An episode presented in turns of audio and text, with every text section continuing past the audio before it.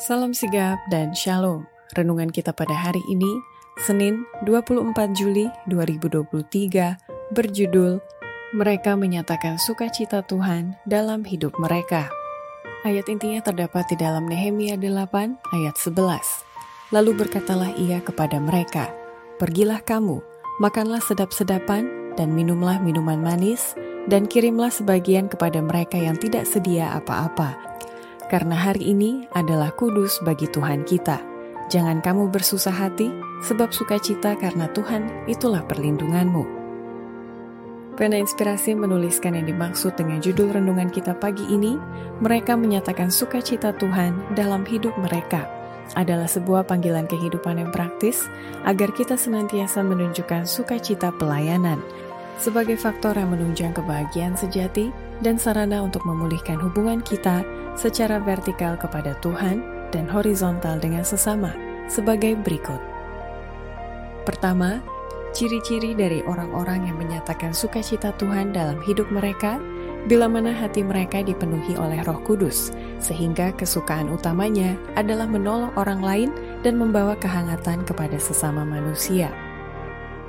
Oleh menolong orang lain, mereka sendiri akan tertolong keluar dari kesulitan mereka. Sukacita menggantikan tempat kesedihan dan kemurungan. Hati yang dipenuhi dengan roh Allah menyinarkan kehangatan kepada sesama manusia. Semua orang yang seperti itu tidak lagi berada dalam kegelapan, karena kegelapannya bagaikan sinar matahari tengah hari.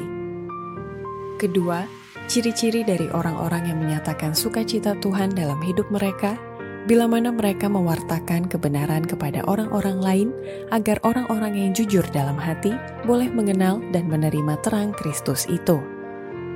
Taruhlah terangmu di tempat lilin, agar itu boleh memberikan terang kepada semua orang yang ada di dalam rumah.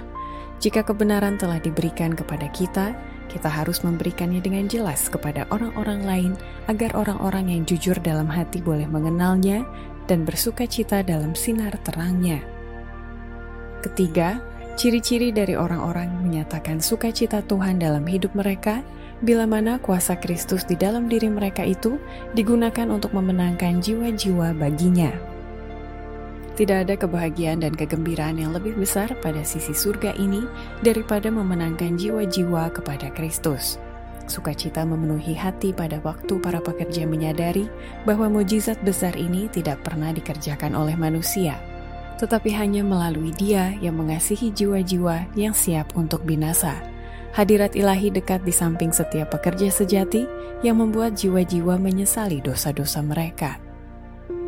Keempat, ciri-ciri dari orang-orang yang menyatakan sukacita Tuhan dalam hidup mereka bila mana firman Allah dijadikan senjata perang untuk mengadakan mujizat-mujizat yang mampu merubah kehidupan orang lain penuh sukacita, disucikan dan dimuliakan di dalam Yesus.